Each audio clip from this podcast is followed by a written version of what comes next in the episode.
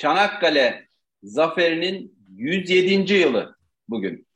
Tabii e, günün anlamına binaen bir de tarihi bir proje hayata geçirildi. 1915 Çanakkale Köprüsü de bugün hizmete açıldı. İbrahim Ufuk Kaynak hocamızla biliyorsunuz kendisi aynı zamanda tarihçi. Tarihçi kimliğiyle bu akşam Çanakkale'de özel yayın yapacağız. Hocam hoş geldiniz yayınımıza. Hoş bulduk. Hoş bulduk efendim. Şimdi, tabii klasik bütün 18 e, Mart'larda e, konuşulur Çanakkale destanı. Zaten konuşmaya devam edelim. E, bugün hiçbir şey yapmayalım. 107 yıl önceki o şanlı direnişi, tarihi direnişi, bu toprakları yedi düvele kaptırmayan kahramanlarımızı konuşalım zaten hocam. Ama farklı bir perspektif, bugüne uyarlama, bugüne bir mesaj verme açısından da ele almak lazım. Siz de bu konuda çok mahirsiniz zaten. Ee, Eyvallah. Hocam biz 107 yıl önce bizim babalarımızın dedesi ne yaptılar tam olarak? Ee, herkese e, bizim bu iyi akşamlar diliyorum esasında. Bizim burada iyi sabahlar ama e, evet, ben Türkiye'de herkese iyi akşamlar diliyorum. Şimdi e, ilk önce o zamanın bir resmini alalım sene 1914 ve Türkiye'sine geri dönelim çağın o dönemine.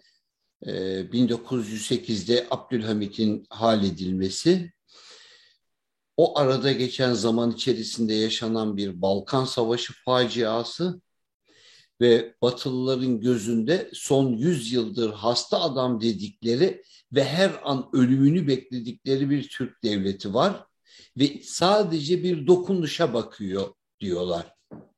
Karşımızda son 1814 yılı ile 1914 yılı arasındaki 100 yılı kendisine altın çağ yapmış bir İngiltere, Britanya İmparatorluğu var. Bütün dünyayı sömürgeleştirmiş ve koca koca ülkeler sömürgeleşmeyi kabul etmişler. Örnek Çin, örnek Hindistan, devasa ülkeler sömürgeleşmeyi kabul etmişler. Ve herkesin aklında ve düşüncesinde şu var ki Türkler neden direniyor ki? Daha bundan sonra da direnebilecek halleri yok. Çünkü hemen 1912'de yaşanan bir Balkan faciası var. Yani Balkanlardaki normal Bulgar çetelerinin önünden kaçan bir ordu var. Onlara gelen raporlara göre Türklerin bir gün dahi dayanması imkansız sadece ve sadece olayın bir tetikleyicisi, bir sebebi, bir şeyi olması lazım. O aranan sebep esasında kendileri bilerek, isteyerek verdi İngilizler. Biz aynı dönemde şimdiki gibi değiliz o zaman tabii. Bakın şimdi kendi gemilerimizi indiriyoruz çok önemli bir şey. O yüzden hep söylüyorum 350 yıl sonra Türkiye ilk defa yeniden büyük denizlerde, okyanuslarda ve kendi gemilerini yapıyor diyorum. Çok yakında TCG Anadolu'da çıkacak piyasaya ama bir de o devri düşünelim. İngiltere'ye iki gemi sipariş etmişiz. Halktan toplanan parayla millet yok olanlar bile elinde avucundaki yoklarını dahi vermişler ve iki tane gemi parası ödenmiş olan gemi tam teslim edilmek üzereyken İngiltere tarafından el koyuluyor ve parası da geri ödenmiyor. Yani bunun içerisinde hem hırsızlık var hem namussuzluk var. Yani bir tek taraflı değil. Hatta bizim askerlerimiz gemileri teslim almak için İngiltere'ye kadar gitmiş durumdalar. Bütün bunlara rağmen orada bekletiliyorlar fakat gemiler teslim edilmiyor. Ve Dolayısıyla Türkiye Birinci Dünya Savaşı'na girmeden daha ilk en büyük ihanette karşılaşıyor. Almanlar bu fırsatı hiç kaçırmıyorlar. Şimdi resmi dedim ya size 100 sene önceyi alınca şimdiki gibi değil. O zaman Enver Paşa e, savunma bakanımız, Osmanlı Devleti'nin savunma bakanı. Ancak şunu göz önünde bulundurum Enver Paşa hemen hemen cephelerdeki bütün yetkiyi örnek veriyorum. Çanakkale'deki yetkiyi Limon von Sanders denilen bir Alman paşaya vermiş durumda. Yani bir Alman generale teslim edilmiş Çanakkale'nin komuta heyeti. Bu tabii ki bizim ordunun içerisinde bir huzursuzluğa sebep. Askerlerin hiçbirisi bir yabancı subay tarafından savaşlarda idare edilmek istemiyor ki son derece doğrular ve haklılar askerlerimizin bu bakışı. Fakat işte o dönemin şartları içerisinde dedim ya size önce bir resmi çizelim diye karşımızdaki gücü belirttim. Ve bu güçte şöyle bir bir karakter daha var. Sömürgeleri e, o kadar aç bıraktı ki onlar artık gönüllü olarak şu savaşa kendileri bir elbise giymek veya bir karın tokluğuna gelmek istedi. Hatırlarsınız bundan üç önceki bölümde e, hatta ondan önce de zannediyorum altıncı bölümde bir daha bahsetmiştim Gandhi'den. E, işte o Gandhi yine aynı şekilde burada o Hintlileri Türkiye'ye karşı, Osmanlı'ya, Çanakkale'ye karşı Hintlileri savaşa getiren adamdır aynı zamanda demiştik. E, hatta demiştim ki o zaman da Gandhi Kemal falan diyorlar da o tarihi büyük bir hata demiştim. Veyahut da belki belki bilerek kullanıyorlar. E, bu Gandhi bizim ülkemizi bu kadar Hintliyi doldurdu ama yalnızca Hintli değildi. Sömürgelerin her tarafından insanlar getirildi ve getirenler yalnız İngilizler de değildi, Fransızlar da vardı bu savaşın içerisinde. Şimdi Çanakkale Savaşı'nın ilk bölümü, ilk bir ayı Deniz Savaşı'dır. Yani e, 1915 Ocak'la Şubat 14 arasında 15 Ocak'la 14 Şubat arasındaki süre esasında Deniz Savaşı'nın olduğu süre. E, bu hazırlığı yapıldı, gemiler geldi, yerleşti ve nihayet Şubat'ta saldırı başladı bize. Deniz Savaşı'nın saldırıları başladı. 400 parça gemiyle geldiler. Toplam 400 parça. Bunların içerisinde 26 tanesi devasa büyük savaş gemileri ve e, size şöyle söyleyeyim mesela Queen Elizabeth'in topunun menzili o zaman için muhteşem bir şey. 14 kilometre ileriyi dövebiliyor. Bizim elimizdeki en güçlü toplar dahi 12 kilometreye yetişirken onlar daha 2 kilometre daha geriden çok rahatlıkla bizi vurabilecek seviyedeler. Ve zaten Çanakkale Savaşı'nın başlangıcından önceki o fotoğrafı verirken elden geldiği kadar bir şeyleri boş bırakmamaya çalışıyorum. Çünkü bizim tarafa tekrar geçiyorum. Bizim tarafta bir inanılmaz şekilde bir hala o yoksulluk devam ediyor. Devlet çok zor durumda. Kendisini bir türlü toparlamaya fırsat bulamadı. Ancak Sultan Abdülhamit döneminde yapılmış olan tabyalara güveniyoruz. O tabyalar, o hazırlıklar esasında ilk önce Sultan Abdülaziz döneminde de vardı. Fakat Abdülhamit dönemince iyice tahkim edildi bunlar. Zaten onlar Hamidiye tabyaları diye geçerler hala. Bu tahkim edilen tabyalara güveniyoruz. Fakat karşımızdaki güç dediğim gibi dünyanın o zaman bakın size size ben bütün dünya medyasından o zamanki toplanan haberler şöyle. Yani bu iş bir gezi oluyor bir gezi. E, hatta bunların bir İngiliz e, Robert Brooke diye bir şairleri de var. Bu genç bir çocuk. O da katılıyor bu savaşa. Gerçi tam deniz harekatı başlamadan iki gün önce dudağından bir sivrisinek ısırıyor. Onu vasıtasıyla ölüyor. Midilli'nin oradaki bir e, küçük adada e, bir Fransız hastanesinde ölüyor. Fakat ondan önce yazmış olduğu şiirler var. İşte İstanbul'un Türkiye'nin nasıl ellerine düşeceği, işte Galata Kulesi'ni nasıl zevkle bombalayacağı ama bombalamadan önce Türk kadınlarını orada nasıl oynatacağı, raks ettireceği falan da alakalı ahlaksızca da şeyler yazıyor. Bu ilk başta hümanist bir şair ama nedense bizim topraklara gelince gerçek kimliği ortaya çıkıyor Böyle şiirlerinde de bir değişim var. O da zaten fazla uzun sürmüyor. 25'lerin yaşlarındayken falan bu dediğim gibi orada ölüyor ve orada bir zeytinliğin altına dikiliyor. Bir Yunan adasında. Şu anda Yunan adası e, e, vakti zamanının Ege adaları hep bizim adalarımız, Türk adaları bölgesiydi. Şimdi o resmin içerisinde bizde bir yoksulluk vardı, bir muhtaçlık vardı, karşımızda bir azgınlık vardı. Azgınlık şöyle bir seviyede karşısına bu zamana kadar Hindistan ve Çin gibi devasa ülkeler duramamış. Bütün Afrika köleleştirilmiş. Bütün Okyanusya köleleştirilmiş. Avustralya ve Yeni Zelanda'nın askerlerine Anzaklar deniyor toplam. O ilk baş harflerini toparlayarak yazıyorlar. Bunların yanı sıra İngiliz ordusunda İrlandalılar, İskoçlar, e, şeyler, Wells'ler bunlar da varlar.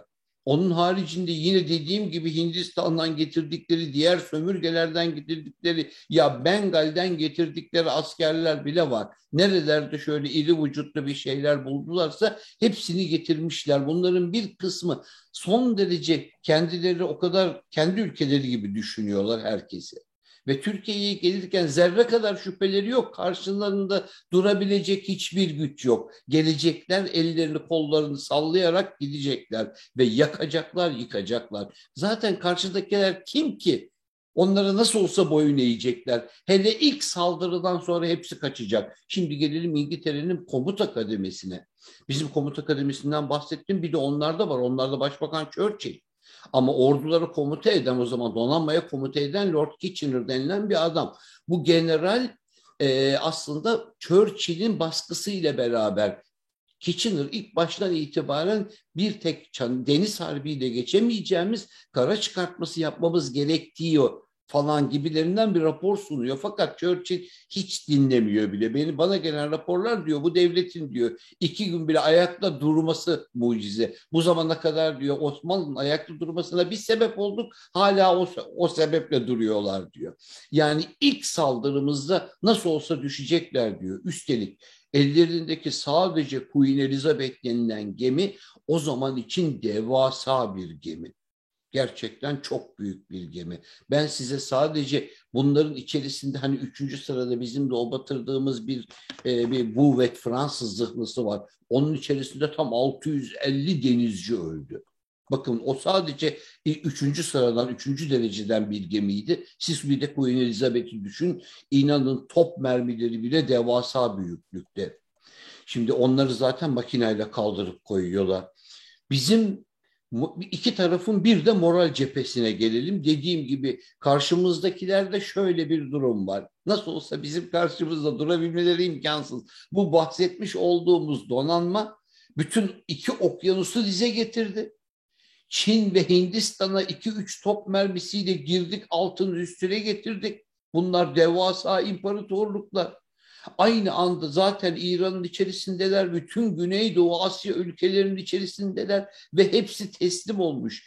Kocaman dünya sömürgeleşmiş, sömürgeleşmeye direnen tek millet Türkler ve onlar Çanakkale'ye sıkışmış bekliyorlar. Son darbeyi vuracaklar ve İstanbul'a gelecekler. İstanbul inanılmaz bir kent. İstanbul e, Napolyon Bonaparte'ın deyimiyle dünya tek bir ülke olsaydı başkenti İstanbul olur dedikleri yer. İstanbul onların eski Bizans İmparatorluğu'nun yani Doğu Roma İmparatorluğu'nun başkenti. Bir diğer yandan Ruslar açısından düşünelim. Şimdi bir de olayın Rus cephesi var. Biz İngilizlerle Fransız donanması geliyor dedik. Fakat bunlar niye geliyorlar? Bunların esas gelme amacı Almanya'ya karşı savaşa girmekte oldukları an aynı zamanda Ruslar da İngiliz ve Fransızlarla aynı cephedeler. Bugünkü gibi değil. Yani bakın 100 sene sonra şimdi karşı karşıyalar bunlar ama o zaman Ruslar da onların cephesinde ve Rusya'daki rejimi rahatlatabilmek için çok büyük sıkıntı var Rusya'da. Her an Çarlığa karşı bir ayaklanma olabilir korkusu var. Onun için halk aç. Zaten o ünlü Rus şairlerinin, yazarlarının olduğu dönem hep o dönemlerdir biliyor musunuz? Hep o dönemi anlatırlar. Tolstoylar, Dostoyevskiler. O dönemi anlatırlar çünkü o dönem Rusya için, Çarlık için inanılmaz sıkıntılı bir dönem. Burada o bu da olayın bir diğer yanı. Yani Boğaz'dan geçtikleri an Rusya'yı harbe aktif şekilde katabilecekler. Almanlar cepheli, cepheyi büyütmek için Osmanlı'nın tez elden harbe girmesini istiyorlar ve işte tam o sırada İngilizlerin bize vermediği gemilerin bahanesiyle Goben ve Breslau adlı o zaman zaten Akdeniz'de dolaşmakta olan iki tane Alman zırhlısını doğrudan Çanakkale'ye yönlendirdiler. Gemiler geldi. Alman gemileri hemen Boğaz'dan izin verildi, geçti. Adları değiştirildi. Yavuz ve Midilli yapıldı İşlerindeki Alman askerlerine Türk askeri elbisesi giydirildi ve padişah dahi bir oldu bittiye gelerek Enver Paşa'nın emriyle bu gemiler Rusya'nın bugünkü de bahsettiğimiz Odessa, Ukrayna'nın Odessa şehri o zaman Rusya'nın yani Sovyetler Birliği'nin e, içerisinde orayı bombalamaya başladı. Hatta Kırım'da bir iki yeri bombaladı. Bu otomatik olarak Osmanlı Devleti'nin de harbe Almanların yanında girmesi demekti. Şimdi gelelim bizim cepheye. Bir Almanya var. İki Almanların her zaman yanındaki müttefiki olan Avusturya Macaristan İmparatorluğu var. Şu anda Avusturya Macaristan iki tane küçük devlet ama o zaman için öyle değildi. O zaman bir Avusturya Macaristan İmparatorluğu vardı ve çok güçlüydü. Bu devlet bir diğer yandan Almanya ve biz. Üçümüz ama çoğunluk karşımızda ise deniz kuvvetleri özellikle çok güçlü olan İngiltere ve ona destek veren Fransa var. İkisi beraber. Bakın bu ve onların getirmiş olduğu sömürgelerden getirmiş olduğu milletler. Bizim içerimizde bizimle beraber harbe girenler Osmanlı'nın içerisinde de Türkler, Kürtler, e, işte Gürcüler, bizim Müslüman olmuş Gürcülerimizden söz ediyorum, Çerkezler, yine içimizdeki diğer unsurlar, Boşnaklar, e, e, Pomaklar, hatta az miktarda Hristiyan, Ermeni ve Yahudi de var. Bizim ordunun içerisinde az miktarda. Karşı tarafında aynı şekilde içerisinde bunlar var. Değişik azınlıktan milletler var. Hepsinin içerisine toplamışlar ve hepsi dediğim gibi Çanakkale'ye saldırıyor. Çanakkale Harbi esasında var ya bu Deniz Harbi birinci bölüm 10 saat falan sürüyor. Sabah saat 10.30'da başlıyorlar. Akşam saat 5.30'da da geri çekiliyorlar. Bütün iş o arada oluyor biliyor musunuz? İşte 18 Mart'ın hani bugünkü köprüyü açıyoruz ya biz. Köprüyü açtığımız gün esasında tam 100 yıl önce tam 100 yıl önce Çanakkale'de işte bu olaylar dönüyordu. Şöyle bir resim verdik. Hocam ağzınıza sağlık nefessiz bir şekilde anlattınız. Tam o bir saat aralığı verdiniz ya. Hı hı. yani bir 24 saat bile değil. Evet. Bir gün evet. bile toplam, sürmüyor. Toplam 10 saat. Evet bir gün bile sürmüyor. Evet. Onlar şöyle düşünüyorlar. Saat 10.30'da başladılar. Saat 4 itibariyle İstanbul önünde olacaklar. Dolmabahçe ve Yıldız bombalanacak. Rahatça inecekler şehrin içerisine istilaya başlayacaklar. Yağmaya başlayacaklar. Ve bunlar hep o dediğim biraz önceki bahsetmiş olduğum Robert denilen şairin kendi şiirlerinde de var. Peki hocam, orada başarsaydılar bunu, bu barbarlığı yaparlar mıydı gerçekten? İnanın bana çok daha kötüsünü yaparlardı. Neden biliyor musunuz? Onun nedenini söyleyeyim. Çünkü yeryüzündeki herkes inanılmaz derecede korkmuş ve sinmiş vaziyette. Bakın Türkiye'ye şans veren, Osmanlı İmparatorluğu'na şans veren hiç kimse yok. Buna biz de dahiliz. Çünkü biz Balkan Harbi faciasından çıkmışız. inanılmaz derecede bozuğuz. Ordumuz darmadağın. Sanki toparlanması imkansız gibi ama bir başka ruh devreye giriyor. İşte zaten Çanakkale'yi Çanakkale yapan o. Aksi halde yeryüzü sömürgeleşme dönemi o zaman bitmişti. Bugün dünyanın düzeninin içerisinde bugünkü olayların hiçbirisini konuşmuyor olacaktık. Bakın o zamanlar eğer bu dediğim olay yani İstanbul ve Türkiye diz çöktürülmüş olsaydı, bu iş bitmiş olsaydı, o zaman için köleleşme süreci tam anlamıyla bitmiş olsaydı zaten Türkiye çok hızlı bir şekilde istila edilecekti. O zaman Ankara'da falan herhangi bir hareketin çıkmasına zaman bile kalmayacaktı. O kadar çabuk ki İstanbul'a gidecekler anında can damarını kesecekler Türkiye'nin. Ve böylece bütün imparatorluğun bağlantılarını koparacaklar. Aslında e, inşallah bir zaman bu, bu dediğim Sultan Abdülhamit dönemi bir de o başlangıç dönemimizi ayrı bir anlatmamız lazım. Çünkü bugünkü olayla onu birleştiririz inşallah. Hocam şöyle e, artık sizin gelme vaktiniz de yaklaşıyor. Evet. Biz, İnşallah. Biz Sultan Abdülhamit yayınını daha önce konuştuk sizle. Fakat evet. İstanbul'a döndüğünüzde onu şöyle stüdyoda karşılıklı olarak doya evet. doya yapacağız o programı. Evet, Şimdi hocam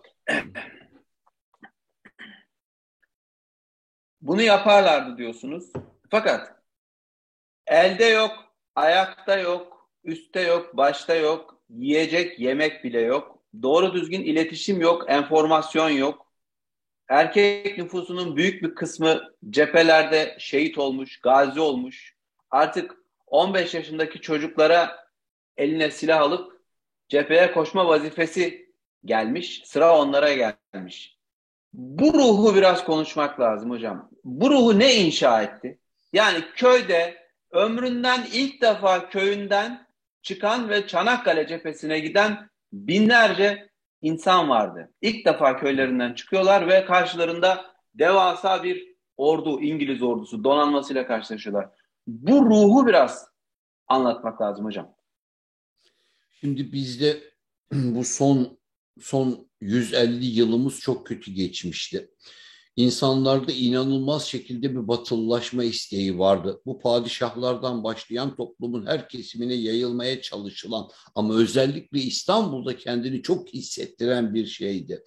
Okumuş takımın hepsi kendi devletinden ziyade yabancıların her şeyi yapabildiğini, güçlü olduklarını, onlar o zaman olayın sömürge cihatını hiç düşünmüyorlar. Oldu mu? Olay şöyle düşünülüyor. Bunlar çok Avrupalı, medeni insanlar. Bunlar çok çalışkan. Bak her şeyleri oturmuş yapmışlar adamlar. Biz ne yapıyoruz abi? Sadece seyrediyoruz.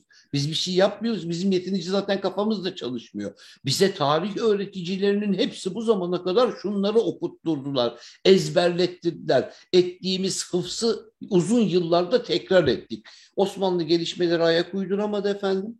O yüzden zaten zaten bizim kafa yapımız ya zaten matbaa bile ne kadar geç girdi biliyorsunuz işte bakın matbaa bu kadar geç girdi. Bakın bunların hepsi hiçbiri tek başına yeterli bir sebep değildi. En büyük sebebi hep ıskaladılar. Yeryüzünde karşımızdaki gücün elinde sınırsız bir dünya imparatorluğu kuracak, dünyanın bütün kaynaklarını sömürüp Avrupa'daki ufacık devletlerin içerisine yığmış bir millet yapısı var.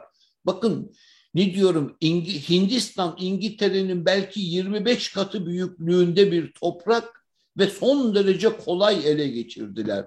Hindistan'ın direnen tek kısmı kuzeydeki Babür devleti kırıntılarından kalan Türklerin olduğu bölümdü.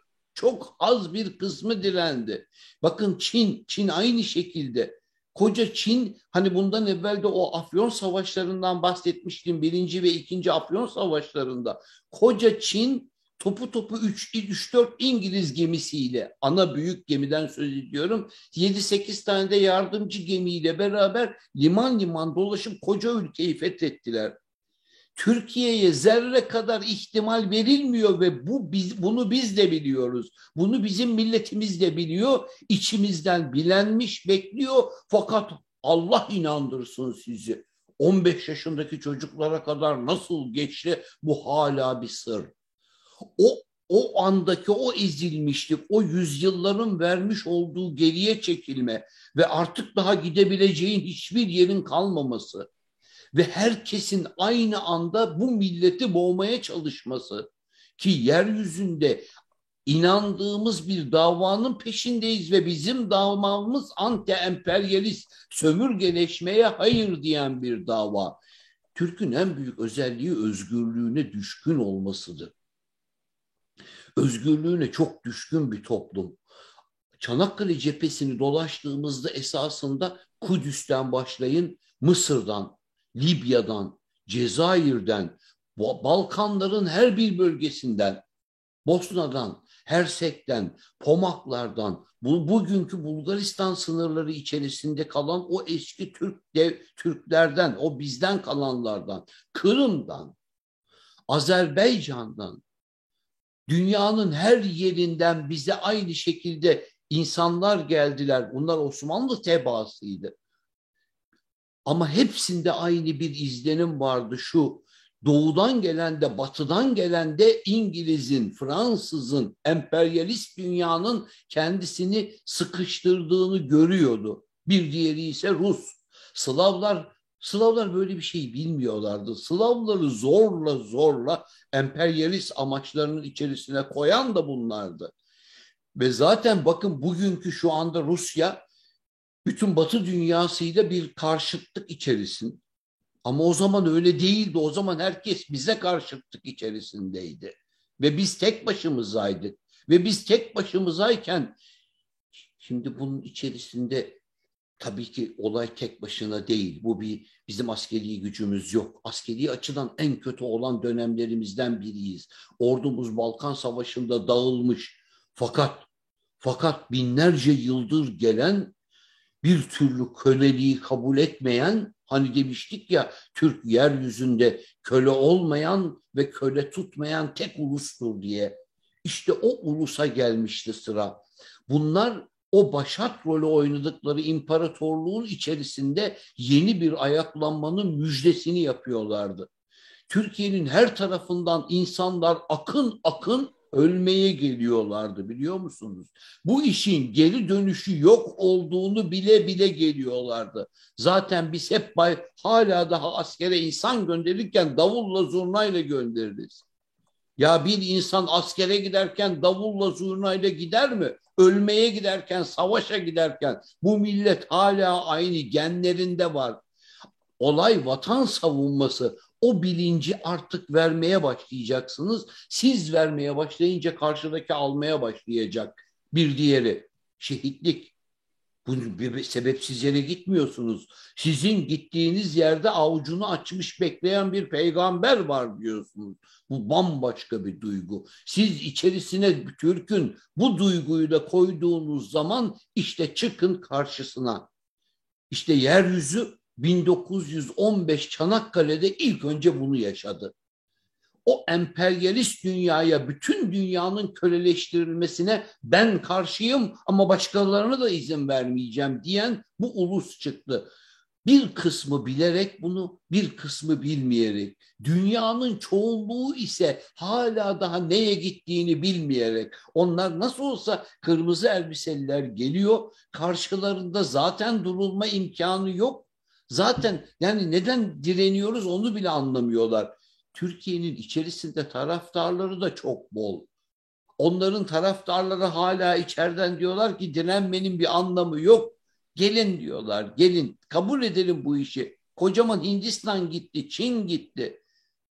Kocaman Asya gitti, Avrupa gitti, Afrika gitti, Amerika gitti. Hepsi adamların elinde. Kime karşı direniyorsun? Böyle bir güce karşı direnilir mi? Sen kimsin?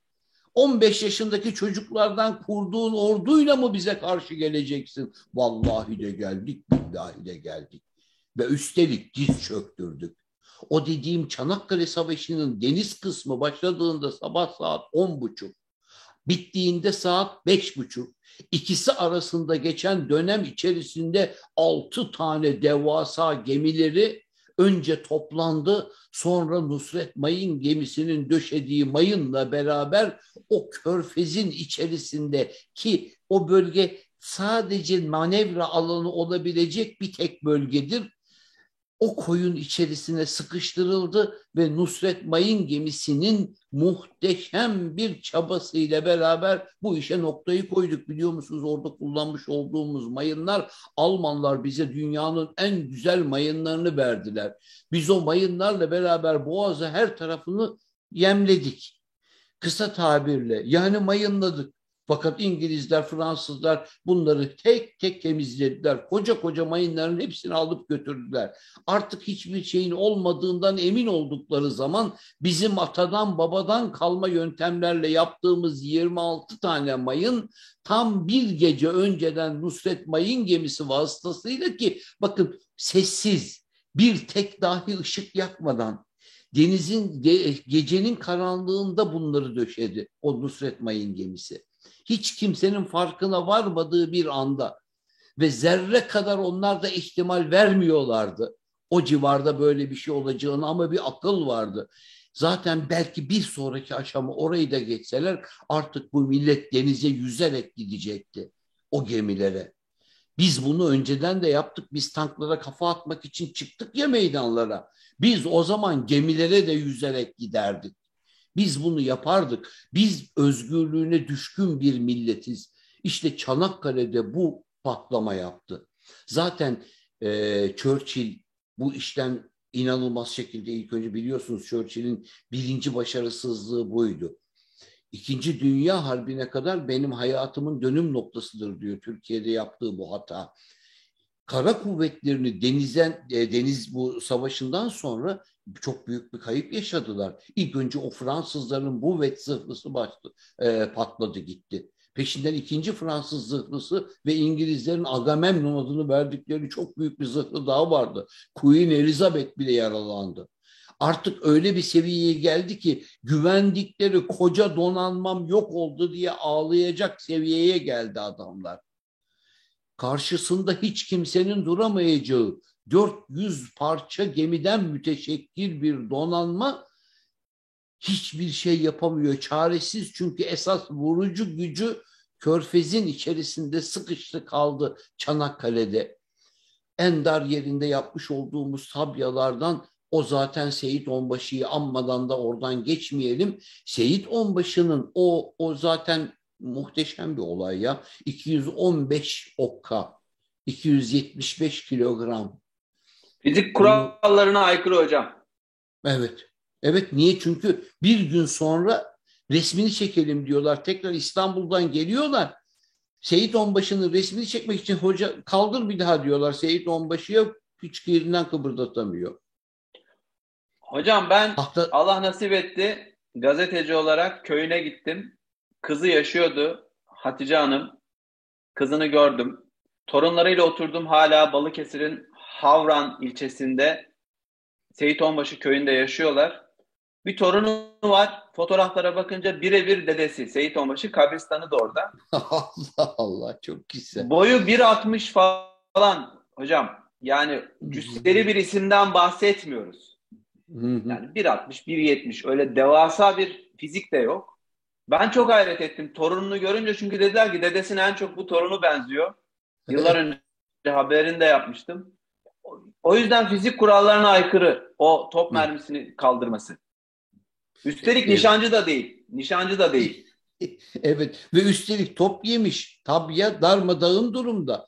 Esas nişancılar yok ortada, yükleyiciler yok ortada. Bizim onbaşı sadece bunu alıyor, koyuyor ve ya Allah deyip gönderiyor. O isabeti kendisinden, bacadan geliyor ya böyle muhteşem bir şey.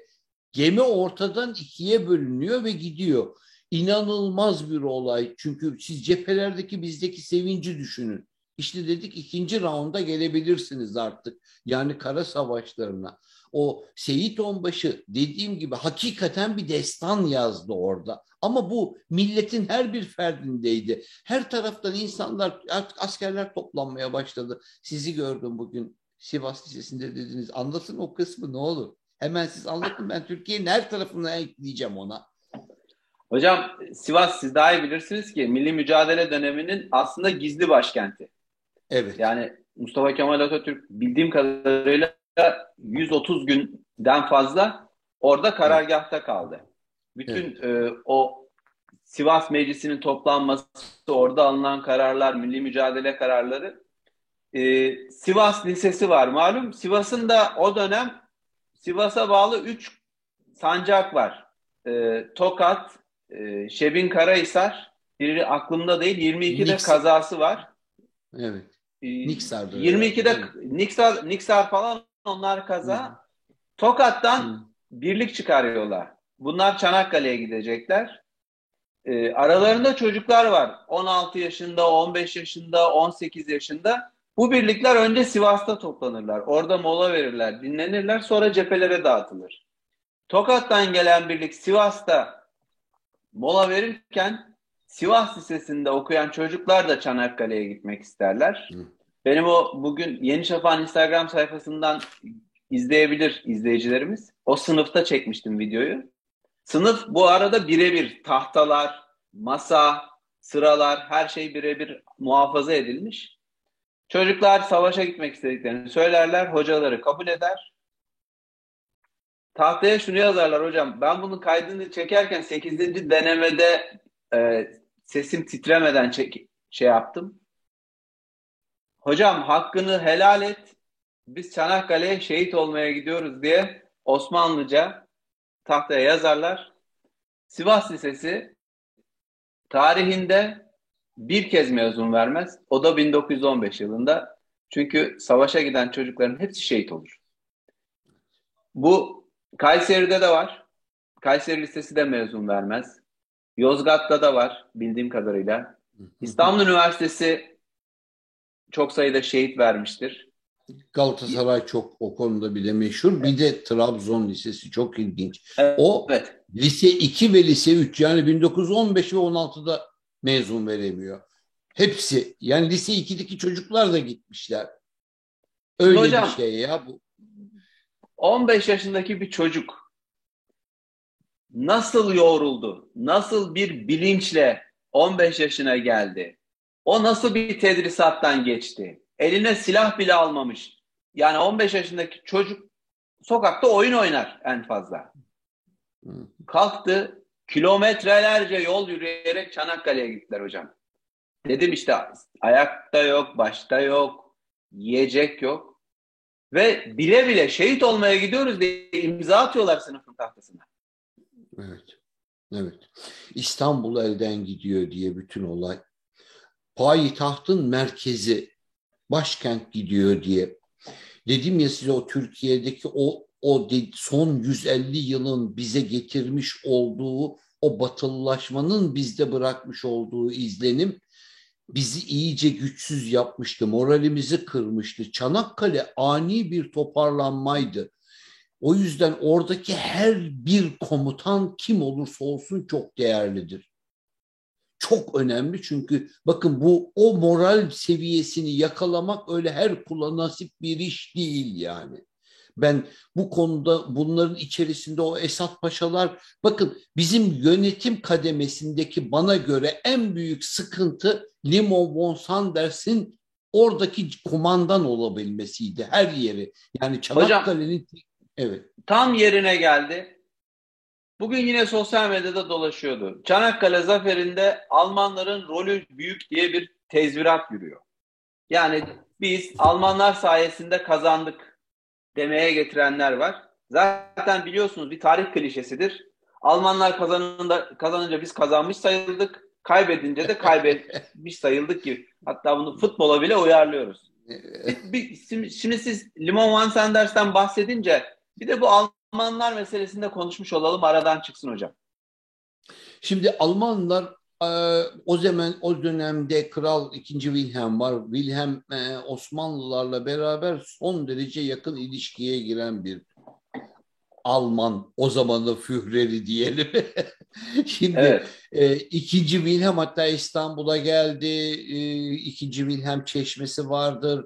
Bizim e, Almanlarla olan ilişkimiz son derece sıkı fıkı olmuştu o dönemde. Ama en önemlisi Enver Paşa'nın Almanya'da okumuş olmasıydı. Alman eğitiminden geçmişti. Almanları seviyor e, çünkü kendisinin şöyle bir düşüncesi var Enver Paşa'nın. Herkes emperyalist ama Almanlar değil. Aslında Almanlar emperyalist olmayı becerememiş bir toplumlu o dönemde. Daha sonra o Birinci Dünya Savaşı sonrasında böyle bir inanılmaz atak yaptı. Onlar da ben de acık sömürge tutayım diye Afrika'ya falan girdiler. Aslında bu 1880'lerde başlamıştı o mücadelesi Almanya'nın. Kendileri büyük bir çabayla beraber herkes parça, e, büyük bir pastadan parçadan pay alıyor. E ben de almam lazım diye el çabukluğuyla girdi. Fakat kara ülkesi olduğu için bunu pek beceremedi. Bizim Almanlarla beraber bu ilişkimiz Enver Paşa'nın Alman sevgisiyle diyelim başladı. Aslında Enver Paşa tabii bir pantürkist. Olayı şöyle görelim. Enver Paşa Türkiye'yi seviyor ve Almanların Almanların bu işin içerisinde Türkiye'ye karşı emperyalist amaç gütmediklerine inanıyor. Es bana göre et, tabii ki hatta. Zaten bunu nereden anladık biliyor musunuz? Ee, Çanakkale Savaşı o 1915-16'da bitti. 16'nın ocağında bitti. Aslında tam bir yıllık bir savaştır bu. Kara artı deniz savaşı süresi. 1915 Ocak 1916 Ocak süresi. 1917 yılında Nuri Paşa Bakü'yü Rusların elinden Ermeni çetelerinden kurtardığı zaman bizim üzerimizden Alman uçakları geçti. Çıkın derhal şehri bırakın petrol bölgeleri bize kalacak diye. Aslında en azından ama o zaman da iş çok geçmişti zaten. Diyorum ya Almanların da ayrı bir emperyalist amacın içinde olduğu. iki Mehmet Akif'in başından geçen olay. Mehmet Akif tam savaş zamanı Birinci Dünya Savaşı başladığında Almanya'da. Almanya'da gezerken bakıyor işte çanlar çalıyor 1917 yılından söz ediyorum ve Kudüs diyor ki ne oldu? Diyorlar ki Kudüs Hristiyanların eline geçti. Ya bu dediğimiz Almanlar bizle beraber savaşıyorlardı o güya. Aklı, aklımız sıra o cephede biliyor musunuz? Ben size ben size bir ilginç tarihi ayrıntı vereyim mi? Bu çok ilginçtir. Ee, senenin çünkü bin, 2017 yılının Mart ayında e, olan Türkiye'deki bu dövizin ani fırlaması, borsada oynanan oyunlar, piyasaya açıklan çok fazla Türk lirası düşmesi, inanılmaz bir deprem yaşamamız çok ilginç bir şey var. Rothschild ailesinin iki oğlu banker ve banker bunlar ikisi de. Ve bunlar ha, şeye katıyor İngilizler tarafından İngiliz ordusunda subay olarak cepheye geliyorlar. İlk geldikleri yer Çanakkale. Şimdi ismini vereceğim. Evelyn Achille de Rothschild. Yani Evelyn Achille vatandaşın bir tanesinin adı. Bu kardeşi de Robert zannediyorum. Ee, Leopold de Rothschild'ın ortanca oğlu. Üç oğlundan ortancası bu dediğim. Trinity Koleji bitirmiş. Kendisi Pit Kulübü'nün üyesi ve daha sonra işte Birinci Dünya Savaşı çıkınca kardeşi Antoni ile birlikte Çanakkale cephesine gelmek için başvuruyorlar. Dedim ya size Yahudilerin Katır Birliği vardı diye ama bunlar genelde kurucuları Rus Yahudileriydi. Ve bu vatandaş Çanakkale'ye Kasım ayında geliyor. 1915'in Kasım'ında. Geliyor fakat gelir gelmez yaralanıyor. Londra'ya tedaviye gidiyor. Dört ay sonra ise bu sefer Gazze cephesine gönderiyorlar. Tekrar geliyor. Gazze cephesinde üstün başarı ödülü alıyor ama 13 Kasım 1917'de Gazze'de önce yaralanıyor. Beş gün sonra da ölüyor. 13 Kasım 2017 tarihine bakın derim. Yani o bölgeler, o anlar Türkiye'ye inanılmaz şekilde bir ekonomik saldırının da yapıldığı zamandır. Bunu da o arada bir not etmiş olayım. Oldu mu? Mesela bu bir ayrıntıdır. Küçük bir ayrıntı ama asıl bilinmesinde fayda var. Türkiye emperyalizmle mücadele ederken şahıslarla mücadele etmiyor. Sömürgecilik ve anti-emperyalizm anlayışına karşı bütünüyle mücadele ediyor. Onun temsilcileri dahil olmak üzere. Bugün bunların temsilcileri de iş adamları denilen gruplar genelde faizci, tefeci gruplar. Yani aynı anlayışı bakın şimdi Çanakkale'de her şey oluyor. Her konuda konuşan ne doktorlar bir kelime söylüyor ne o bey bahsetmiş olduğumuz baro e, PKK sevicileri bir şeyler söylüyor ne de bu bahsetmiş olduğum iş adamları denilen grup. İşte o zaman da öyleydik biliyor musun? Milletin kendisi geldi oy 15'li 15'li tokat yolları taşlı diye dönerek oynuyor insanlar. Oraya giden 15'liler savaşa ölmeye gidiyorlardı. Göbek atmaya değil. Ama işte bir, bir, bir şeyimiz var dedim ya size. Biz biz bayrama gider gibi gidiyoruz ya şehadete. O her kula nasip değil, her millete nasip değil. Böyle bir yaşam ve böyle bir ölüm de nasip değil. Arkasından Fatiha okunabilmesi olasılığı bile bir insan için büyük bir rahmettir. O bizde var. Bize hangi ruhu kim ne verdi? Ya biz zaten içimizde bu vardı. Harekete geçirilmesi gerekliydi. Çanakkale'de bu olay patlama yaptı. Esas kara savaşlarına geldiğimizde zaten benim aslında orada çok ilginç bir şeyler vardır. Bakın e, bizim bizim komuta kademimiz hakikaten muhteşemdi. Türkler Almanların yönetiminden memnun değiller dedik ya evet o dediğim biraz da örnekle verdik. Hatta Mehmet Akif'ten Kudüs'ün ele geçirilmesi Almanya'da çanlar çalıyor günler boyu. Kudüs'ü aldık diye. Güya bizim yanımızdalar. Ondan sonra Bakü'yü anlattım orada neler olduğunu. Bunun gibi yüzlerce örnek verebilirim ama bakın biz bir tek e, biz bir tek o cephede değildik. Mesela Mustafa Kemal daha sonra savaş sonrasında e, Doğu cephesine gönderildi Ruslara. Gönderildiği yerde tekrar bir başka Alman komutan vardı. Daha sonra oradan Güney cephesine gönderildi. Suriye cephesine. Hatta hatta e, Hicaz'a. Hicaz'a gönderildi. Hicaz'da ordu yok burada darmadağınız diye Suriye cephesine çekilelim dediği zaman orada da Alman komutan vardı başımızda. Bu hep çok büyük sıkıntıydı içimizde. Çünkü Alman komutanlar bölgeyi ve insanımızı bilmiyor. Yani bizi aslında Almanya'nın bizi oradaki kullanmış olduğu neydi biliyor musunuz? İngiltere'ye ve Rusya'ya karşı cepheyi genişletmek daha fazla yeter ki birileri ölsün ama Avrupa'daki cepheye az baskı olsun. Bütün gayretin temeli buydu. Osmanlı İmparatorluğu'nun harbe girmesiyle cephe çok büyüdü. Devasa bir imparatorluk her yanından tırtıklanmaya başlandı. Ve bunların içerisinde tabii ki direnen hep biz olduk ama işte Çanakkale bambaşkaydı. Dikkat ederseniz biz olayın hani tek tek bir şeylerin içerisine girmedik. Çünkü bizim hani formatımız itibariyle aslında en üst tepeden baktık. Bir anti-emperyalist söylemle beraber yeryüzünün o dönemde nasıl bir resme. Çünkü diğer ayrıntıları herkes çok anlattı biliyor musun? Hakikaten herkes evet. herkes o ayrıntılara çok girdi ben istedim ki şunu kaçırmayalım çünkü aynı şekilde dünyanın düşünebiliyor musunuz siz bütün dünyanın emperyalist pençelerinin içerisine girmesine bir ramak kaldıydı. Ve tekrar biz yetiştik. Çanakkale neyi yıktı biliyor musunuz? Yenilmez armadanın İngiltere'nin imparatorluğu işte o gün yerlere gömüldü. İngiltere donanmasını kaybetti ve güçsüz o kadar güçsüz kaldı ki Amerika Birleşik Devletleri o dönemde ilk önce yardıma gelmeye başladı. İkinci Dünya Harbi'nde de bunun devamı oldu. Ama İngiltere'nin eli kolu kanadı kırıldı. İmparatorluğun en büyük gücü olan denizlerdeki gücü donanması gitti ve bir daha yerine getirilemedi.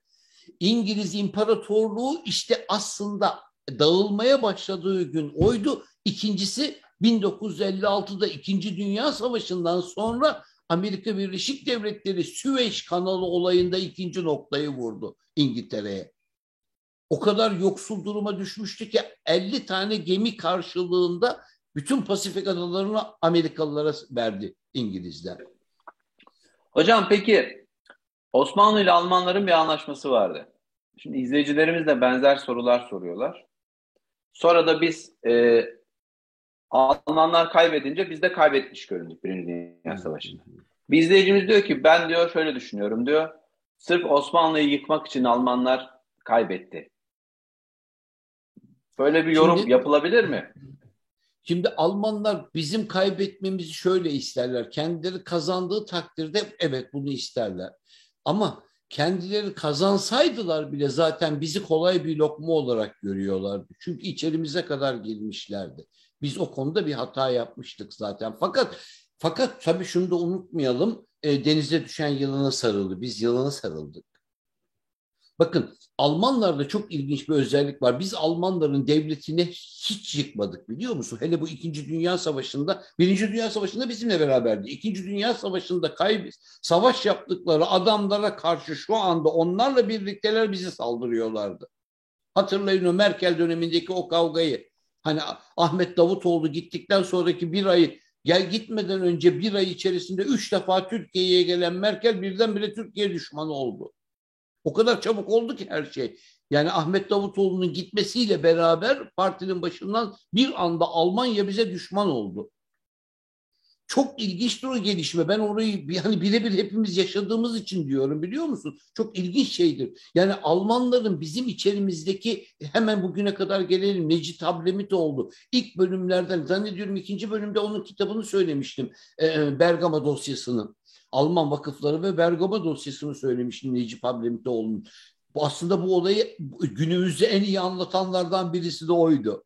Almanya'nın hangi planlar içerisinde olduğu da Bakın e, küfür tek millettir diyor ya yalan söyleyecek hali yok. Küfür tek millettir. Kısaca evet. böyledir. Biz bunun içerisinde çok büyük bir mücadele yaptık kusura bakma evet. Hocam estağfurullah. Gelelim Çanakkale Köprüsü'ne. Evet. 107 yıl önce geçit vermediğimiz o iki yakanın arasına siz dediniz ya evet. eğer Seyit Onbaşı gemiyi vurmasaydı yüzerek gidip o gemilerin önüne dikilirdi askerlerimiz. Bir köprü inşa ettik. Aslında batıya sizin geçemediğiniz boğaza biz bir de gerdanlık çektik. Mesajı verildi. Kıtalar. Ben öyle yorumluyorum. Evet. Ve kıtaları birleştirdik. Tek hareketle. Şimdi bir İstanbul tarafında birleştirmiştik zaten. Ama Çanakkale çok zor bir bölgedir biliyor musun? Osmanlı'nın ilk geçiş dönemini hatırlayalım. Büyüme dönemini 1320'lerle 1360'lar arasındaki bütün mücadele hep o Çanakkale üzerinden gitmiştir. Ah o zamanlarımız olsaydı o köprü. Türkiye'nin bin yıllık hayalini gerçekleştirdi Recep Tayyip Erdoğan. O kadar büyük bir köprü bu. Dünyanın en büyük geniş açıklıklı olması falan hepsi bir kenara. Bunları koyun. Zaten dünyada artık en kelimesini kullandığında hepsinin sonunda bir de Türkiye giriyor devreye. Ama hala daha teknoloji kralı bilmem ne olur, bilmem hangi ülke olur diye söylerler. Kendi ülkelerini göremeyenler, körlük yapanlar. Çanakkale Köprüsü inanılmaz bir şeydi. Bakın üstelik de zamanına getirdi. Ya öyle güzel şifreler koymuşlar ki. O şifreler bile insanın içinde rahatlatıyor. Yani 2000 2023 metre diyor şey açıklığı var diyor. Açıklığı bile bilerek, isteyerek, ölçerek yapılmış bunların her şey bilerek, her şeyde e, 210 e, 218 metre e, 218 metre şey, 318 metre miydi? Yüksekliği Hemen bakıyorum hocam. Ocak, evet, evet. Batmak. Üçüncü. Evet 318 metre yüksekliği var. Üçüncü ayın 18'i. Yani Mart'ın 18'i. Şifreleri oraya gizlemişiz. Benim aklıma ne getirdi biliyor musunuz bu? Çaka Bey İzmir'de ilk donanmasını yapıyor Türkiye'nin. Sene 1000, 1091. Malazgirt'te 1071'de aldık. O kadar çabuk çabuk hemen geldik İzmir'e yerleştik. İzmir'e bir de Aydınoğulları Beyliği kuruldu. Onların başında Çaka Bey var. Çaka Bey ilk donanmamızı kuruyor. Yapılan ilk geminin en üst noktasına, direğin ucuna enam yetiştiriyor, yerleştiriyor. Yani Kur'an-ı Kerim koyuyor. O zaman bu zamandır Türk Deniz Kuvvetleri'nde gelenektir. Yapılan her geminin en üst noktasına bir tane enam koyulur. Yani Kur'an-ı Kerim koyulur. Biz onsuz hareket etmeyiz diye. Çok ilginç bir damgadır biliyor musunuz? İşte Çanakkale'de aynı şifreleri barındırıyor bugün. Biz bir köprü yapıyoruz. Hemen atalarımızı aldım sizi götürdüm 1091 yılında Çaka. Yani bakın hepsi bunların bir arada devletin hafızası diyoruz ya zaten bizim programımız da hafıza. Biz o hafızayı tazeleyelim yeter ki. Yerlerine her şeyi yerli yerine koyalım. Hocam şimdi sembolik anlamı var. E, tarihe bir damga vuruldu. Bir taraftan da sizin de bahsettiğiniz gibi e, ulaş, ulaşımı çok rahatlatacak e, bir köprü bu aynı zamanda. 6 dakikaya düşürdü. İki yakayı birleştirdi. Ya muhteşem bir şey. 50, 50 dakika ortalama 50 dakika bekleniyordu. İşte karşıya geçmek için. İstanbul'un da yükünü hafifletecek bir taraftan. Tabii. Taşımacılık yükünü. Tabii. Özellikle Ege'den e, Avrupa'ya gidecek olan şey İstanbul üzerine artık gelmesine hiç ihtiyaç kalmadı. Yani e, emin olun en az 300-400 kilometre yol kurtardılar. Bütün o taşımacılık, yani bir tır kalkıp gidecek, Avrupa'ya gidecek. Önce İstanbul'a geliyor. İstanbul'dan Boğaz'dan karşıya geçiyor ve öyle gidecek Avrupa'ya. Hepsi bitti ya. Oradan kalkacak İzmir'den kalkan iki saat içerisinde köprüye gelecek. Köprüden karşıya geçecek Avrupa'ya devam edecek. Trakya'da. Ya her işi kolaylaştırdı. Bunu ya İstanbul Boğazı'nda da aynı şeyleri yaptık da insanlar bunu gördükleri halde bazı insanlar gördüklerini niye inkar ederler? Onlara da ne isim verilir artık söylemeye gerek kalmıyor ya. Eyvallah Çünkü gördüğünü göz göre göre inkar etmek. Hocam e, izleyicilerimiz soruyorlar e, toparlarken dönüş tarihinizi açıklayalım artık diyorum. Ha dönüş tarihi bugün veya yarın bir şey bekliyorum. Onunla göre hemen biletimi alıyorum. Bir, bir haber bekliyorum. Sosyal medyadan duyuracağız onu da o zaman. Sizin hesabınızdan. Evet. evet. Zoom'dan yapıyoruz. İzleyicilerimiz izliyorlar. Bizi yani bir kitle oluştu. Artık sokakta çevirip e, şey yapıyorlar hocam. Program Sağ işte bu hafta Sağ var mı, şu var mı, var mı diye. Ama stüdyoda yapmak farklı bir Stüdyo, e, Evet, evet kesinlikle. Atmosfer. Kesinlikle öyle. Herkesten özür diliyorum. Bir, bir, bir mecburiyet oldu. Ama aslında sevgimizi de paylaştık biliyor musun? Sevgi evet, böyle hocam. günler içindir. Hocam siz şu anda sabah saat beş buçuk altı Melbourne'de evet. ve evet, her yayın günü e, dört dört buçukta kalkıyorsunuz. Programa hazırlanıyorsunuz. Bu fedakarlığınızı e, da vurgulamak istiyorum. Çok teşekkür ediyorum size. Ben de çok teşekkür ediyorum. Herkese, hepinize. Sağ olun bizim ekibe de. Haftaya yine görüşürüz hocam inşallah. Ee, yeni bir yayında Görüşürüz. izleyicilerimiz de yine İnşallah. burada. Bu Çanakkale tabi böyle bitmedi. Biz esas kara savaşlarına geçeceğiz. Orayı da anlatmamız lazım ama onu ayrı bir bölüme ayırdım biliyor musunuz? Biz bugün köprüyle beraber o o Çanakkale'nin deniz mücadelesini çoğunlukla e, verdik. Evet. Ama o bir karaya inelim. Esas destanı bir de orada yazalım. Karada karada muazzam bir direniş var hocam. Tam tamına göğüs göğüse muhabere dediğimiz e, deyim e, Çanakkale'de yaşandı. Hele ki hele ki bir kelime hepsini açıklıyor. Ben sizi ölmeye emrediyorum. Her baba yiğidin söyleyebileceği bir laf değil. Zaten desen de dinleyecek adam kaç kişi vardır şu bugünkü devri bir bakalım.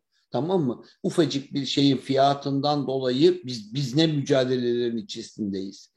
Türkiye nasıl bir dönemden geçiyor? Hangi anti-emperyalist mücadelelerin içerisinde anlamayan insanlar iki günde ülkesini satma durumuna getirirken vallahi de billahi hiç kimse zorluğu reddedemez. Ama bu yeni bir şey değil ki. 300 yıldır çekiyoruz. Bu işe son noktayı koyalım diye uğraşıyoruz ve çok az kaldı. İlk defa tarihte ilk defa 300 yıldır teknoloji liderliğini oynayan bir ülkeleri var. Şu yapılanları bir görün. Kullanılan malzemenin yüzde doksanı yerli ve milli. Biraz önce mühendisler söylüyordu orada. Yüzde doksanı yerli ve milli. Biz insan yardımı aldık çeşitli ülkelerden bilgisi aklı olan varsa gelin bizde bölüşsün dedik. Bundan daha güzel bir şey mi var ya? Amerikalılar onun bunun sırtından buluş yapıyorlar ve biz yaptık diye ortada dolaşıyorlar. Biz kendimiz yapıyoruz. Bir buçuk milyarlık Çin'in, Hindistan'ın yapamadıklarını bizim mühendislerimiz yaptı. Dünya her gün bahsediyor. O, o ruhu da inşallah o bölümde. Dünya her gün bahsediyor ama hocam e, diğer taraftan da neymiş bu bayraktar İHA'dır, SİHA'dır diye e, reklam yapılıyor diye eleştiren bir e, siyasi görüş var. Çok ilginç bir şekilde. Bütün dünya konuşurken. İlginç. Ya Yunanlılar bile yapmıyor bu kadarını. İnanır mısınız? Hani onlar bile gerçekten diyorum Yunanlıları izlerken artık e, e, e, vallahi doğru o Yunanlıların bir tane ünlü spikeri var. Ara sıra izliyorum o adamı. yine geldi yine Türkler yaptı. Hocam bunu da milyon yaptı. dolar versen öyle bir reklam yaptıramazsın. yaptıramazsın adam hakikaten öyle. Ama biz bak diyorum ki adam söylüyor gözlerinin içerisine koya koya Adam buna bile karşı geliyor var ya bir de bir de bunların partisinin içinde bulunduğu partiye falan bak. Aman aman sakın adına madına hiçbir şeyin kanmayın ha. Yani iyilik derken birdenbire zılgıtı yiyebilir insanlar. Hiçbir şeye akıllı olmak lazım. Adamın söylemi kendi fikridir. İnsanın ağzından çıkan o adamın aklındakidir. Korkma sönmez ey bu şafaklarda yüzen alçak gibi bir şey olur bu yani. Yani bu, bu öyle bir şey olur eğer sen alsancak demeyi bilemezsen. Çünkü çocukluğun boyunca hep başka türlü konuştuysan en sonunda onu zikredersin. Doğrusunu yapmaya bile bir türlü dilin varmaz. Allah da izin vermiyor zaten. Yani o ilginçtir. Ben bunu hep millet dil sürçmesi olarak aldı. Ben onlarca örneğini veririm. Onunla ilgili de bir program yapmayı planlıyorum biliyor musunuz? Bu kadar dil sürçmesi olur mu diye sürtmesi olduğunu ben düşünmüyorum. Hiçbir şekilde düşünmüyorum. Kasıtlı olarak yapılıyor. Planlı bir şekilde yapılıyor. Evet. Bir e, Türkiye'nin savunma sanayi hamlesiyle ilgili bir program Yap. yapacağız siz. Yapacağız hocam. Yapalım. Yapalım onu. Tarihiyle birlikte birleştirerek yapalım. Yapalım hocam. Ee, bu haftayı toparlamış oluyoruz hocam. Ağzınıza sağlık. Çanakkale'yi farklı bir açıdan e, nasıl direndik, neden direndik ve hangi ruhu ortaya koyduk? Karşımızda nasıl bir düşman vardı? Nasıl bir niyetle Türkiye'ye geliyorlardı? Çanakkale'yi geçmek istiyorlardı. E, onu anlattınız bize. Çok teşekkür ediyorum. Ağzınıza sağlık. Çok teşekkür ediyorum. Herkese bizi dinleyenleri de Türkiye'de görüşeceğiz inşallah. Zannediyorum son bir belki burada bir programımız daha kaldı. Bir mi? En fazla bir veya bakayım bir. Hocam artık özledik. teşekkür ediyorum. Sevgili izleyiciler yeni e, bölümde Hafızanın yeni bölümünde haftaya Cuma günü yine aynı saatte Yeni Şafak'ın YouTube kanalında görüşeceğiz. Sizlerden isteğim bu programın daha fazla kişiye ulaşmasının aracı olmanız. Çünkü siz paylaşırsanız, yorumlarsanız, linkini çeşitli gruplarda dağıtırsanız e, İbrahim hocamızın açıklamaları, yorumları, analizleri daha fazla kişiye ulaşmış olur. Şimdiden teşekkür ediyorum.